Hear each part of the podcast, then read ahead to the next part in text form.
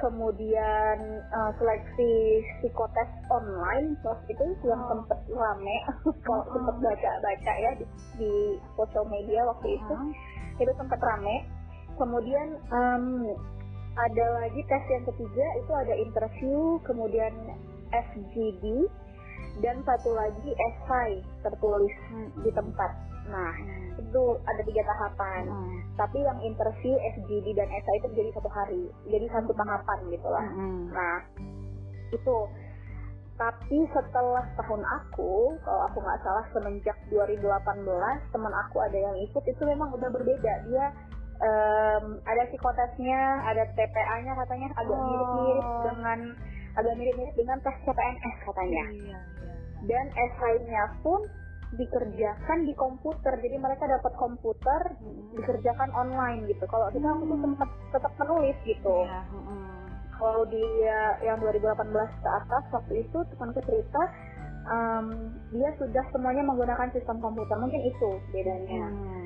tapi secara overall menurut aku tidak ada perbedaan yang signifikan tetap harus Ya. belajar juga gitu kan hmm. ya psikotes ya nggak ada perbedaannya mungkin kalau dia tes CPNS yang agak-agak mirip selain mungkin TPA-nya ya tetap harus diri diri sendiri kan Iya. pertanyaan-pertanyaannya merujuk ke kepribadian Mm-mm. gitu kan Hmm. kemudian ketika interview ya pertanyaan-pertanyaannya kurang lebih pertanyaan-pertanyaan dasar seperti ya itu tadi aku bilang kenapa pilih jurusan ini Hmm. kenapa pilih kampus ini kenapa kenapa mm, apa ya kenapa mau kuliah jurusan ini? Biasanya biasanya tuh eh, penanya itu akan nanya kenapa milih jurusan ini dibandingin jurusan yang ini? Gitu. biasanya ada komparasinya gitu. Dan itu disesuaikan. Jadi misalnya kamu orang sosial maka penanya kamu pun interviewer kamu tuh pasti punya background orang sosial juga. Oke, iya, iya. gitu.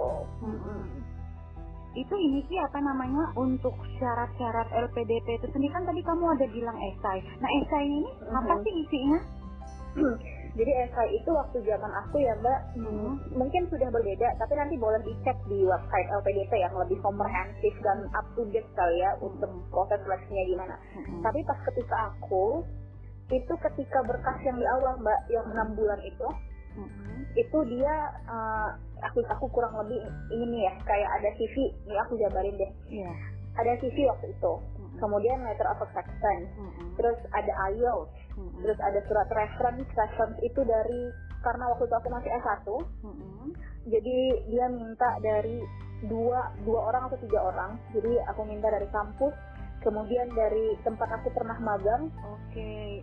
gitu jadi dari kayak- kampus aku minta dua Kayak surat rekomendasi Iya. gitu ya? Kayak surat betul rekomendasi. betul reference letter Ah. Ha-ha, ha-ha. tapi itu formatnya ada LPDP menyediakan format hanya saja orangnya terserah kita gitu yang Mm-mm. betul-betul mengetahui kita gitu Mm-mm. Em, jadi aku minta dua kalau aku nggak salah aku minta dua atau tiga aku aku submit tiga atau empat aku lupa Mm-mm. jadi dua em, minimal tiga Mm-mm. dua dari kampus kemudian aku dua dari orang yang pernah bekerja dengan aku gitu Mm-mm.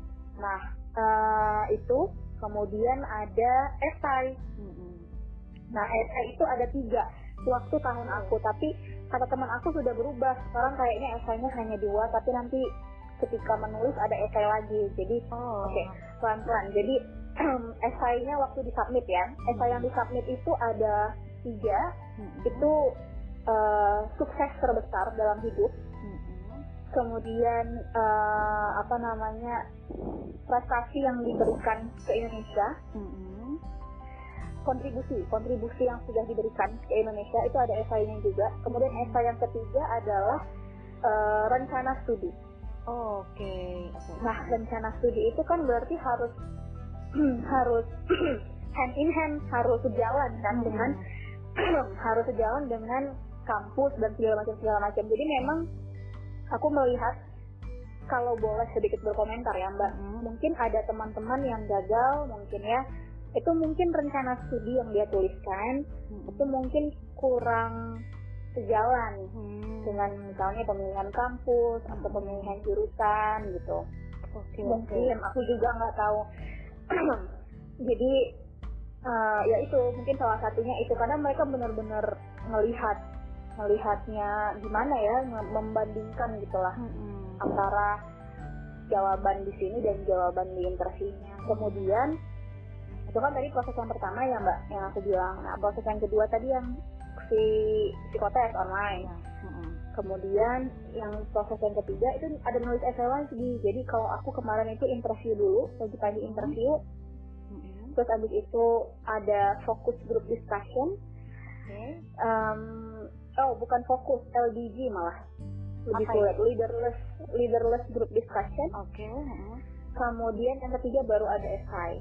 Nah, esai yang di sini, yang di esai tahap ketiga itu adalah memang betul-betul sudut pandang dan pola pikir yang dinilai. Mm-mm.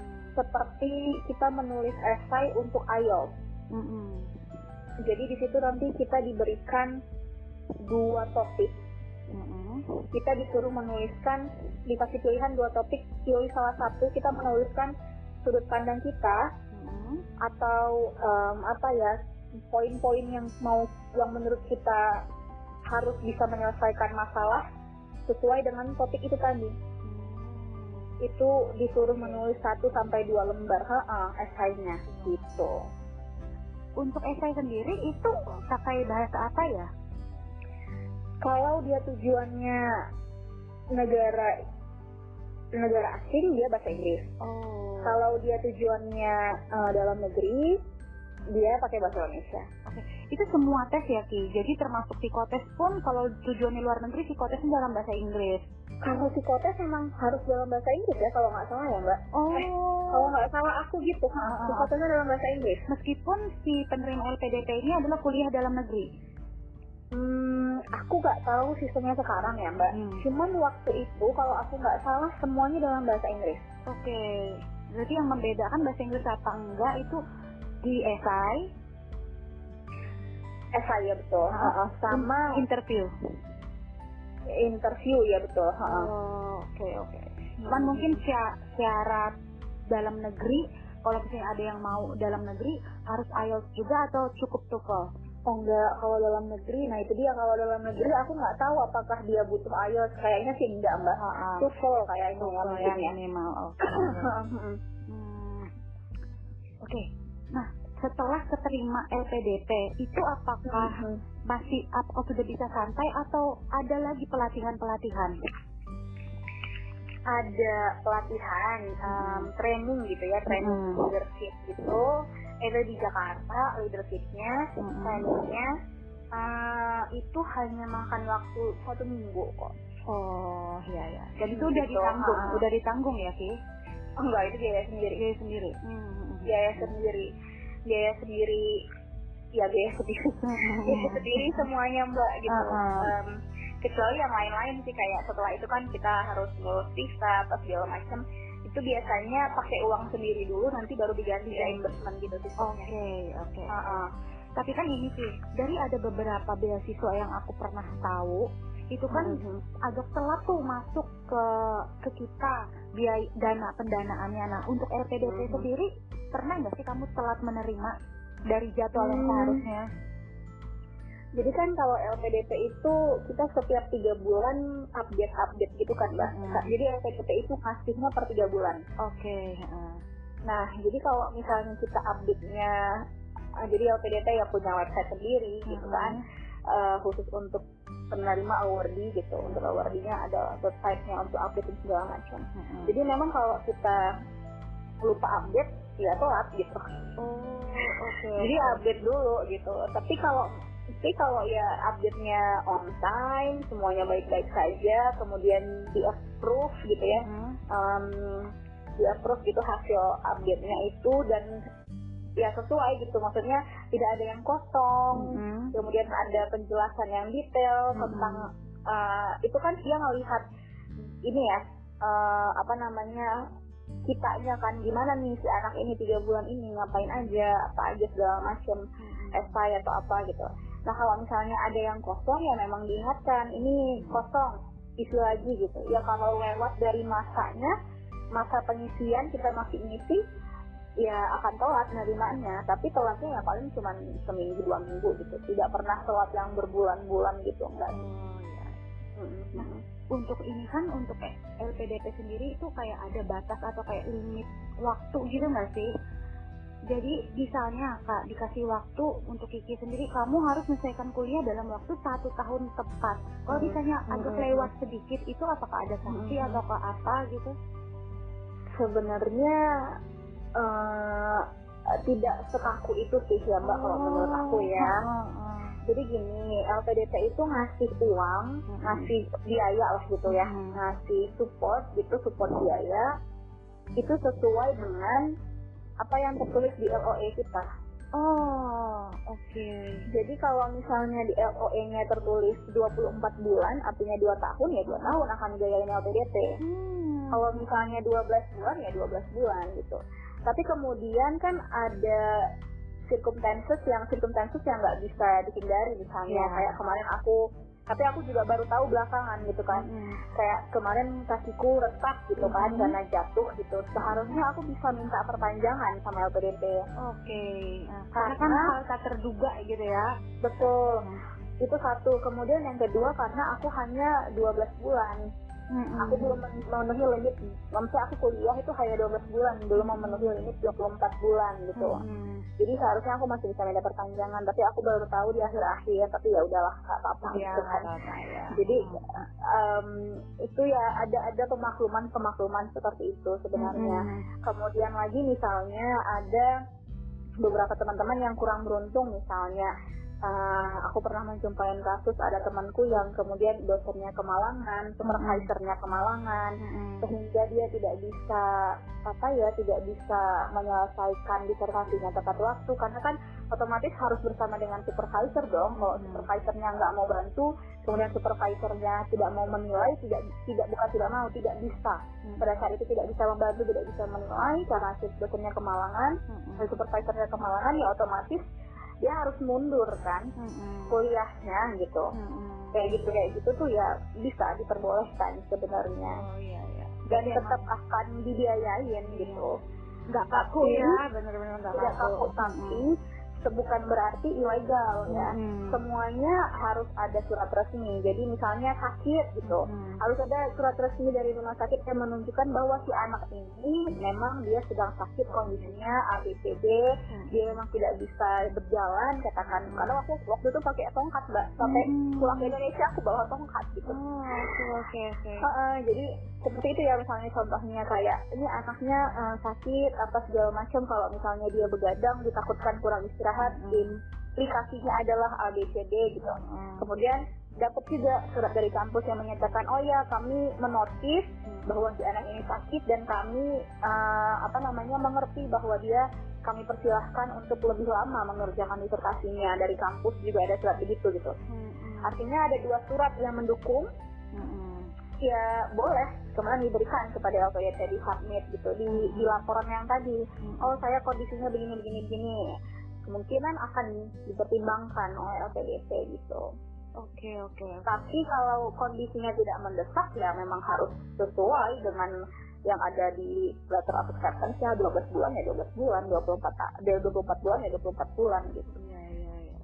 Nah, ya, tadi kan Kiki ada kasih tahu tuh bahwa setelah lulus kita harus mengabdi ke Indonesia, mengabdi Hmm, kepada hmm. Indonesia. Nah, pengertian mengabdi sendiri ini kayak gimana sih kalau misalnya Hmm. Hmm. mungkin ada yang berniat bekerja di luar negeri, Hmm, apakah itu hmm, harus hmm. bekerja di Indonesia atau gimana? Oh. Eh, lagi-lagi menurut aku sih nggak kaku ya mbak Mm-mm. ya sebenarnya memang secara harfiah mengabdi itu artinya pulang ke Indonesia Hmm. membangun Indonesia gitu kan Iya. mengabdi kepada Indonesia gitu Hmm. tapi ada beberapa kasus yang em, aku yang kemarin kita sempat sempat obrolin juga waktu ada pertemuan gitu LPDP di di Inggris Hmm. eh, apa namanya kalau misalnya dia sifatnya representatif misalnya bekerja di PBB Hmm. atau di organisasi internasional Hmm. yang sifatnya merepresentasikan Indonesia Hmm. itu sebenarnya tetap bisa dikatakan mengabdi Oke. gitu tapi kan kesempatan-kesempatan seperti itu kan juga sedikit kan Iya, mbak benar tidak tidak tidak banyak gitu artinya ya itu kan juga didapatkan dengan kompetitif gitu kan dengan perjuangan sedikit sekali loh orang Indonesia yang bisa bekerja misalnya di lembaga internasional seperti itu gitu. Mm-mm. dan itu kan pasti bawa nama Indonesia kan. Iya. jadi nah kalau representatif tuh boleh gitu. uh, uh, uh. gitu. Masalah nggak harus nggak harus balik ke Indonesia pengertiannya ya. Iya, ya, ya itu. Ada ada certain condition yang memang Hmm. diperbolehkan kayak tadi aku bilang kayak misalnya dia representatif dia bekerja di organisasi internasional gitu Mm. merepresentasikan Indonesia gitu ya boleh oh oke oke Mm-mm. Eh, selama kamu kuliah di luar negeri sendiri pernah ngerasa pengen mundur nggak sih atau aduh kayaknya aku nyerah deh ini beda banget sama ekspektasiku atau atau mungkin karena lingkungan yang berbeda dari Indonesia sendiri kalau Hmm. mes- meskipun kamu sebelumnya memang sudah pernah keluar negeri ya tapi kan hanya untuk berlibur nah ini menetap dalam waktu yang cukup lama pasti akan ada yang namanya perbedaan. Itu pernah nggak sih ngalamin kayak gitu sih Eh, gimana ya? Sebenarnya kalau adaptability-nya sih aku oke oke aja sih mbak sama Hmm. lingkungan. Karena mungkin dari dari S1 udah pindah ke kota yang jauh berbeda kan Sumatera Hmm. Jawa tuh jauh beda kan Hmm. culture-nya Mm-mm. jadi culture shock sebenarnya aku tidak terlalu merasakan Mm-mm. Em, tapi kalau pernah ngerasa down gitu aku yakin setiap orang yang kuliah di luar negeri itu pasti ngerasain ke eh, apa ngerasain Dan- shock dan down kayak gitu pasti ada gitu. Mm-mm. ada momen-momen kayak ya bayangin nih mbak aku setiap minggu setiap hari. Mm-mm. eh, jadi aku satu minggu tuh tiga kali kuliahnya. Mm-mm. hanya tiga kali. Tapi sat- dalam satu hari kuliah itu aku eh, sekitar tiga jam satu setengah jam itu kuliah satu setengah jam itu seminar namanya. Seminar itu kita diskusi dan apa segala macamnya. Mm-mm. dan itu dinilai oleh dosennya. Mm-mm. Em, aku satu-satunya orang Indonesia. Di dua kelas yang lainnya aku satu-satunya orang Asia Wow, oke oke oke. Itu bisa bisa minder sih benar benar benar. jadi eh, kesulitan bahasa sih sedikit ya karena mereka juga punya logat gitu Iya, kan. British accent gitu kan. Em, kadang agak sulit mengerti gitu. Tapi bukan di situ sebenarnya hambatan yang lebih besar. Hambatan yang lebih besar menurut aku adalah budaya literasi. Nah ini Hmm. teman-teman yang dengerin juga harus tahu karena kita di Indonesia tuh literasinya menurut aku kurang ya Kurang. kurang diberdayakan gitu hmm, bayangin mbak untuk satu setiap minggu kan berarti satu topik materi kan Mm-mm. untuk satu topik materi itu di modul di modul di rencana eh, di modul rencana pembelajaran satu tahun ke depan Mm-mm. itu sudah tertulis satu materi itu ada berapa source yang harus dibaca Wow. itu biasanya itu biasanya 14 sampai 22 listnya untuk satu materi untuk satu orang. dan eh, untuk no bukan untuk satu orang untuk satu materi Satu jadi ah. untuk satu materi jadi ada 14 sampai 22 bahan bacaan Oh, entah oke. itu jurnal entah itu buku Mm-mm. Nah, itu harus dibaca gitu. Tapi kita boleh pilih yang mana yang mau dibaca. Minimal lima. Oh, Karena kalau oke. ya tidak tidak pernah disebutkan kamu harus baca minimal lima ya nggak pernah. Cuman memang ya lo- logically aja gitu kalau misalnya dikasih 14 ya kamu mau baca berapa gitu. Aku Tapi pikir- kamu baca cuma satu kan. Aslinya 14 14 nya itu untuk satu orang, jadi semua orang Enggak. 14. Oh. Enggak. Oke oke. Ya mungkin mungkin teman-temanku yang orang Inggris yang Hmm. memang dia benar-benar orang Inggris mungkin dia sanggup baca Iya. empat belas empat belasnya gitu kan dan Hmm. mungkin karena mereka terbiasa dengan kayak gitu gitu Mm-mm. Ya kan apalagi itu bahasa ibunya mereka kan Iya. jadi mereka mengerti gitu Mm-mm. karena em, ketika baca buku ya mbak aku merasain ngerasain banget ada banyak banget idiom-idiom yang eh, aku harus baca aku harus cari ini ini ah. maksudnya apa gitu Iya, ya kayak misalnya gini lah mbak kita kalau misalnya baca buku ya kalau mbak dalam bahasa Indonesia Mm-mm. pasti ada kata-kata yang hal ini bagaikan menegakkan benang basah artinya hal ini sia-sia gitu tapi dia pakai istilah menegakkan benang basah Iya. gitu kan tapi kalau kita yang orang Indonesia kita ngerti Mm-mm. ya kan bayangin hal seperti itu terjadi tapi dalam bahasa Inggris Hmm, iya, iya. karena lu bukan orang Inggris gitu kan. Iya, jadi iya. kan tapi lagi-lagi itu bisa dicari selama aku baca ya kan Hmm. tapi yang jadi agak down adalah yaitu harus baca eh, minimal lima aku gitu kan Hmm. terus kemudian di seminar itu diperdebatkan segala macam segala macamnya Hmm. kemudian berarti kalau misalnya lima satu minggu tuh aku harus baca 15 jurnal atau 15 Iya. buku Iya. karena ada tiga mata kuliah Tiga, tiga. ya kan dan itu biasanya deketan tuh jadwal deadline esainya ada yang satu minggu tuh bisa dua deadline esai Hmm. bayangin aku harus persiapin buat esai aku harus persiapin buat bacaan hari itu juga Oke, oke. bisa bisa kebayang sana itu daunnya satu itu tapi itu pun aku masih ya oke lah gitu pelan pelan ngikutin alur ngikutin alur gitu Hmm. kemudian eh, berjalannya waktu eh, ada case lagi kayak ini ketemu supervisor ternyata supervisor aku itu agak kurang cocok lah gitu di aku Hmm. jadi aku tuh eh, majornya aku kan diplomasi Hmm. tapi aku ngambil minor studi keamanan Hmm.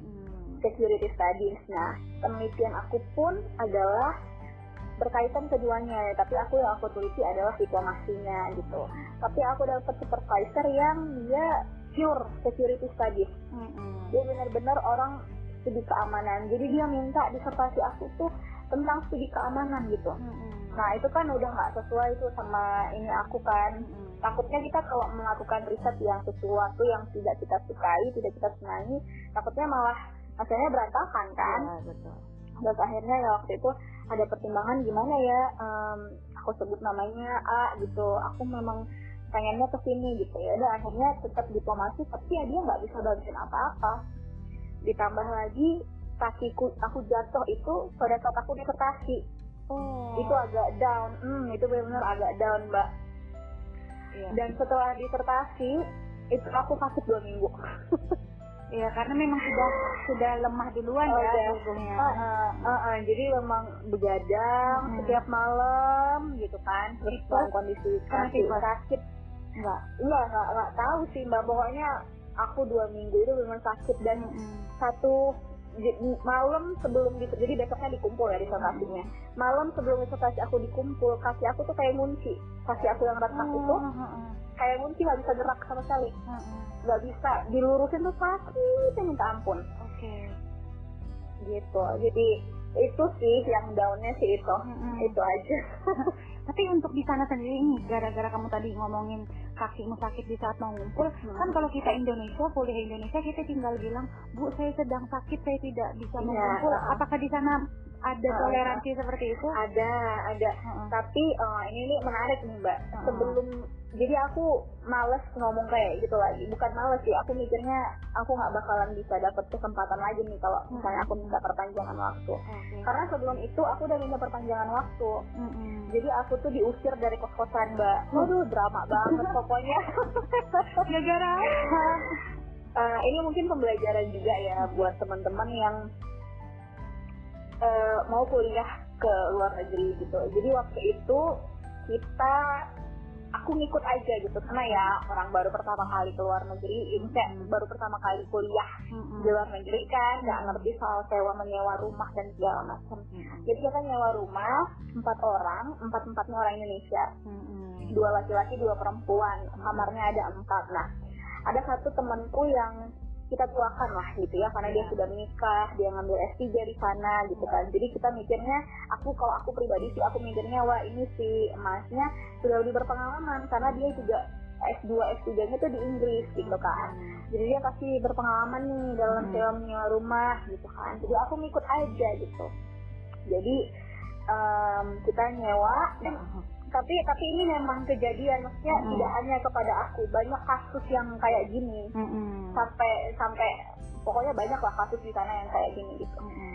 tapi memang karena aku nggak tahu apa-apa jadi ya udah ngikut aja gitu jadi artinya eh, nyewa rumah bayar tapi ternyata setelah tanda tangan kontrak kontraknya nggak dikasih ke aku jadi aku nggak Hmm. punya legal ah nggak punya legal standing yang kuat gitu kan Mm. Gak dikasih kontraknya sama aku alasan dia itu kontraknya katanya mau dikasih setelah semua orangnya tanda tangan. Jadi di situ tanda tangan tuh cuma ada tiga dia bilang, baru tiga, yang satu lagi belum tanda tangan dia bilang gitu.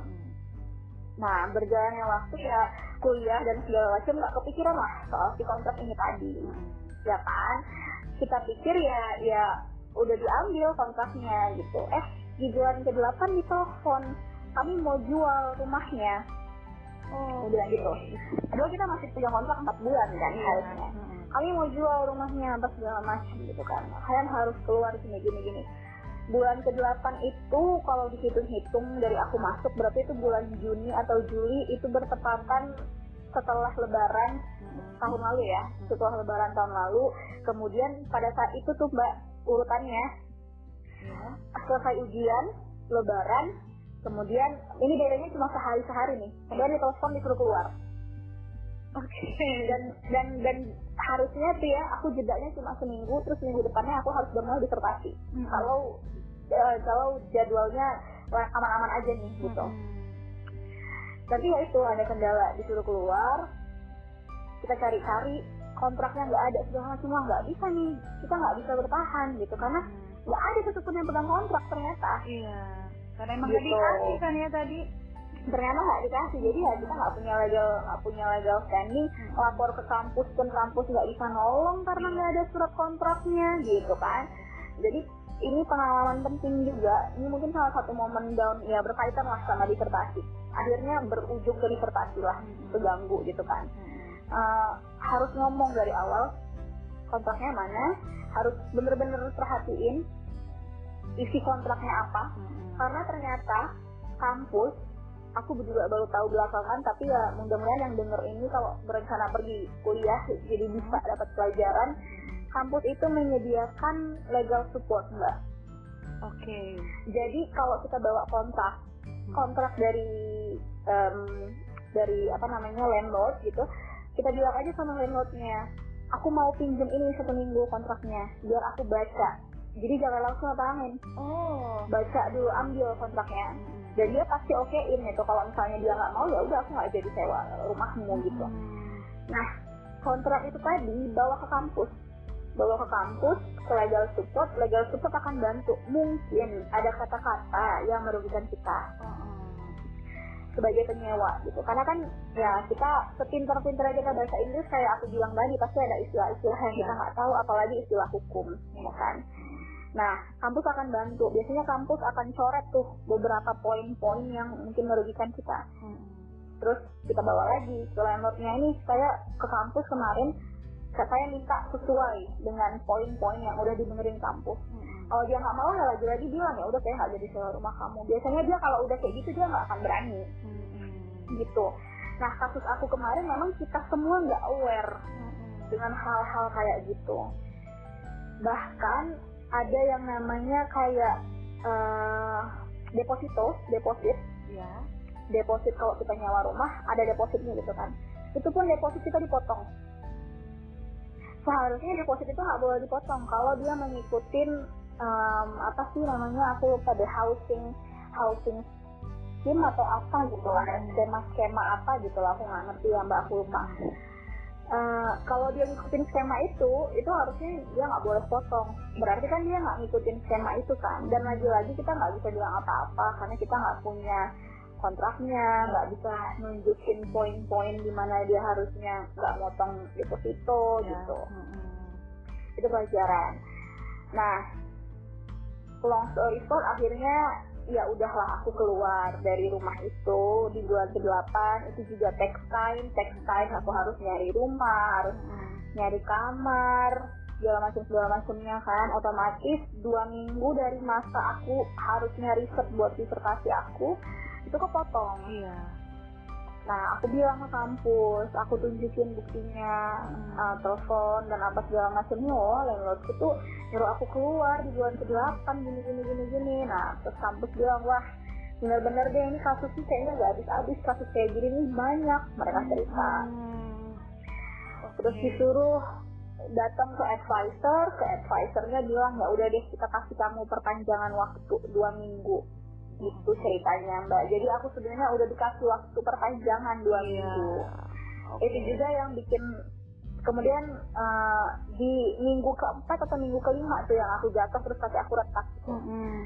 jadi waktu itu aku mikirnya "Aduh, kayaknya nggak mungkin lagi nih minta Mm-mm. ke kampus buat perpanjang gitu aku mikirnya dan mungkin karena waktu itu udah jenuh juga kali ya mbak Iya. jadi aku mikirnya aduh nggak mau tahu deh pokoknya ini harus selesai secepatnya gitu jadi memang aku harus mengakui aku mengerjakan disertasi itu dalam kondisi yang under pressure banget. Under pressure-nya itu ya dalam kondisi down semuanya gitu. Akunya down physically dan secara batiniah pun down Hmm. gitu kan. Dan semua ya. eh, eh, semuanya gitu. Jadi memang dibilang kurang maksimal ya aku harus mengakui memang. Ah, kurang maksimal tapi ya sudah berlalu kan iya iya iya. Oke, yang penting kan sekarang udah menyelesaikan semuanya itu bisa alhamdulillah bisa jadi pengalaman yang bisa dibagikan ya kan? iya iya iya Hmm. benar benar mbak benar Eh, ini masih mengenai apa namanya tentang masalah-masalah selama kuliah di sana. Untuk Hmm. untuk LPDP-nya sendiri kira-kira kan LPDP pasti punya tuntutan tuh. Kamu harus selalu memiliki nilai standarnya segini Iya, betul. atau apa. Nah, itu eh, beban gak sih? enggak sih menurut aku ya kan ya kita kalau kita ngelamar beasiswa ya kita harus tahu konsekuensinya memang harus memenuhi nilai yang ini kan gitu yang sesuai kan gitu jadi aku nggak ngerasa beban di situ sih Oh, oke. sebenarnya memang harus belajar sebenarnya balik lagi sih ya mbak Mm-mm. Banyak orang-orang yang kalau misalnya ngeliat Instagram gitu kan bilang wah nih jalan-jalan nih gitu gimana sih katanya beasiswa gitu ya kita nggak nampilin yang sedih-sedihnya Oh iya, benar. Iya, ngap- ngapain aku posting malam-malam begadang terus Iya. menjadikan konsumsi publik gitu Iya. ya aku ada posting tapi mungkin di private gitu Iya. hanya keluarga yang lihat gitu Mm-mm. ya tidak menunjukkan itu gitu tapi memang pressure-nya memang gede lah. Ya kita kuliah kita kuliah dalam negeri aja ada beban kan. Apalagi apalagi kuliah di luar negeri yang berbeda bahasa terus tingkat pendidikannya juga sudah jauh lebih advance gitu kan. Pasti ada beban gitu cuman ya nggak nggak ditunjukin gitu. Nah, Oke, benar sih. Apalagi kan ini kita bawa nama negara ya, kita harus Iya, sebaik mungkin juga sih. ah ah ah benar benar mbak benar Oke. Nah, ini sebenarnya kalau mau banyak cerita, ini pasti masih banyak cerita ya. Cuman nanti dari lain kesempatan lagi kita banyak tanya-tanya dengan. Boleh. Mungkin ada beberapa Boleh, hal boleh yang masih Mbak. masih dipengen dikepoin khususnya mungkin buat teman-teman yang sebenarnya punya hati pengen kuliah di luar negeri tapi nggak tahu harus Ah, mulai dari mana. Hmm, hmm, hmm. Hmm. Nah, Ki, terakhir deh pertanyaan terakhir sebelum kita mengakhiri obrolan kita. Eh, punya pesan nggak sih buat teman-teman yang mau kuliah khususnya mau kuliah di luar Mhm. negeri?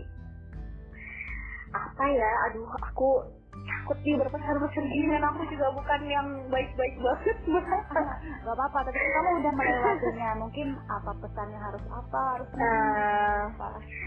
Ya intinya jangan ngerasa nggak mampu jangan ngerasa rendah diri sih pasti ada di saat di mana ada kemauan pasti ada jalannya kan jangan berhenti riset sih kalau menurut aku tetap harus tetap harus riset Iya.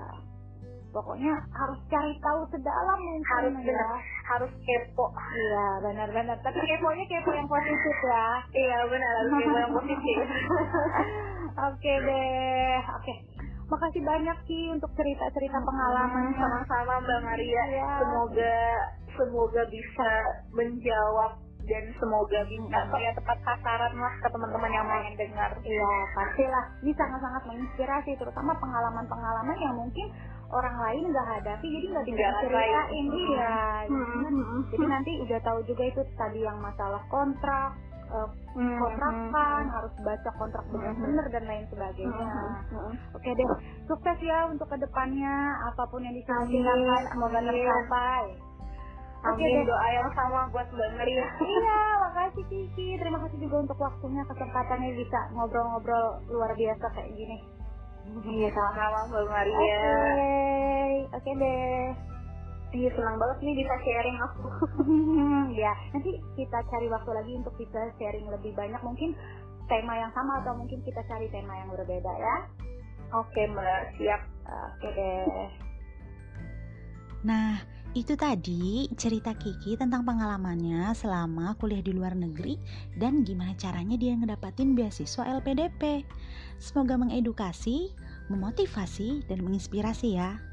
Jangan takut untuk mencoba dan jangan menyerah. Sampai jumpa di podcast selanjutnya. Bye bye.